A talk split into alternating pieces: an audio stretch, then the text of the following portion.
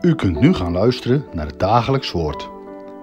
Dit is iedere maandag tot en met vrijdag om 3 en 7 uur. Deze meditatie wordt verzorgd door dominee Luchthart.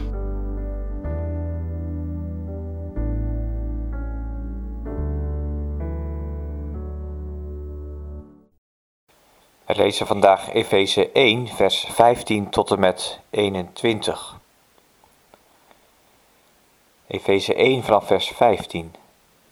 Daarom, omdat ook ik gehoord heb van het geloof in de Heer Jezus onder u en van de liefde voor alle heiligen, houd ik niet op voor u te danken als ik in mijn gebeden aan u denk, opdat de God van onze Heer Jezus Christus, de Vader van de heerlijkheid, u de geest van wijsheid en van openbaring geeft in het kennen van Hem. Namelijk verlicht de ogen van uw verstand om te weten wat de hoop van Zijn roeping is en wat de rijkdom is van de heerlijkheid van Zijn erfenis in de heiligen.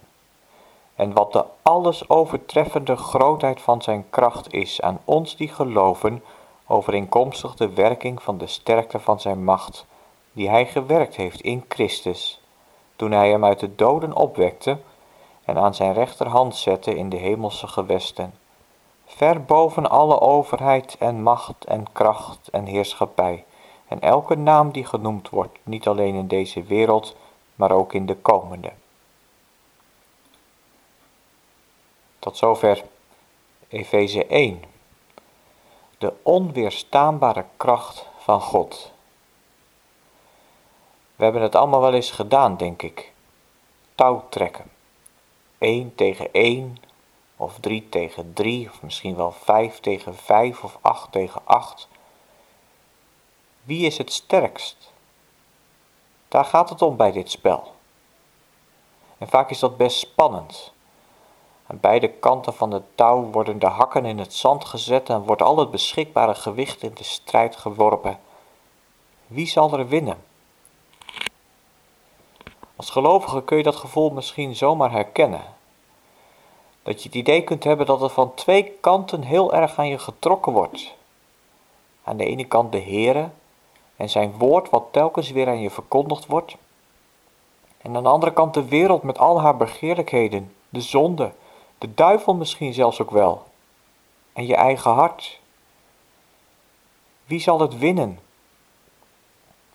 De ene keer lijkt de ene partij sterker, maar zomaar opeens kan dan de tegenstander met een onverwachte ruk je zomaar weer een heel eind de andere kant op trekken. Herkent u het? Het leven van een gelovige is toch niet zomaar een gelopen race? Het blijft een strijd. En soms, soms word je misschien wel eens moedeloos van. Dat je misschien wel eens zelfs de neiging kunt hebben om het op te geven. Er komt toch niks van terecht. Het blijft trekken, heen en weer. Zal het ooit goed komen? Paulus begrijpt dat gevoel maar al te goed.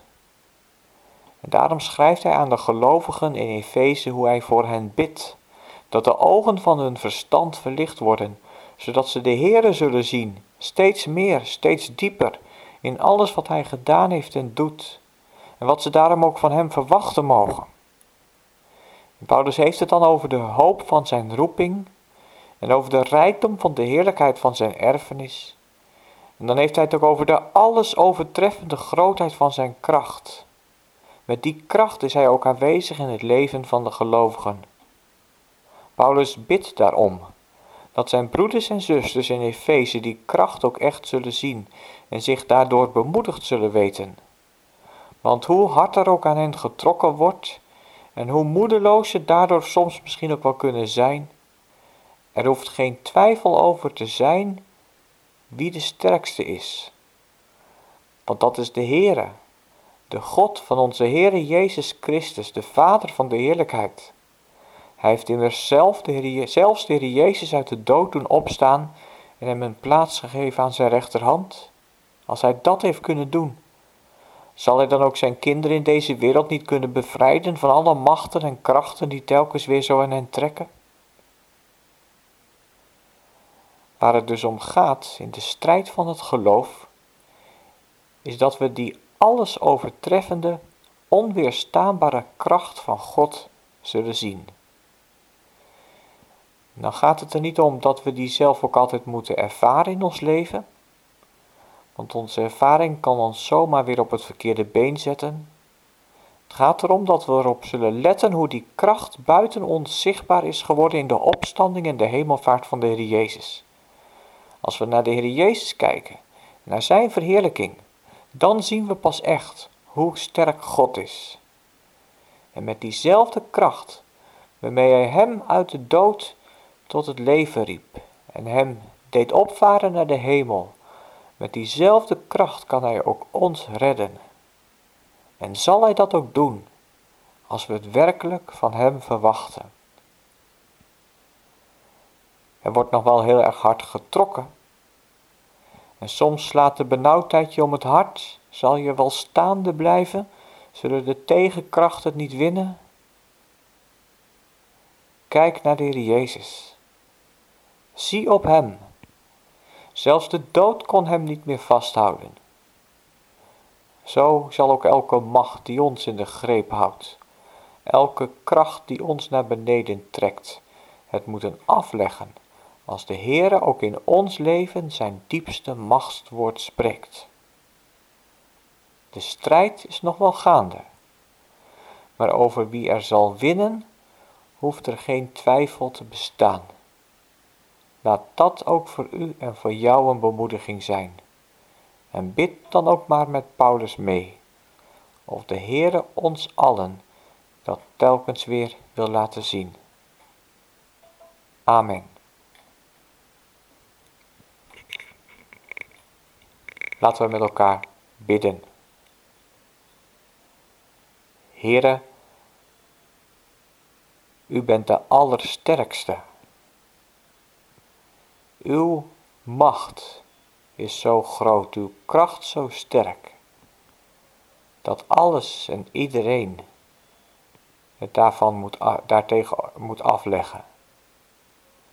En heren, dat mag ons zoveel hoop geven. In een tijd waarin er zo aan ons getrokken wordt. In een strijd die wij zelf ook ervaren in ons leven. Dat we ons afvragen, kunnen we staande blijven? dat u het bent die met uw machtswoord spreekt en dat alles, alles dan moet zwijgen. En wilt u zo ook in ons leven werken. We danken u voor de overwinning in uw Zoon Jezus Christus. En we bidden u, open onze ogen. Ja, voor uw alles overtreffende macht. Gedenk ons in onze geestelijke strijd, in onze aardse noden.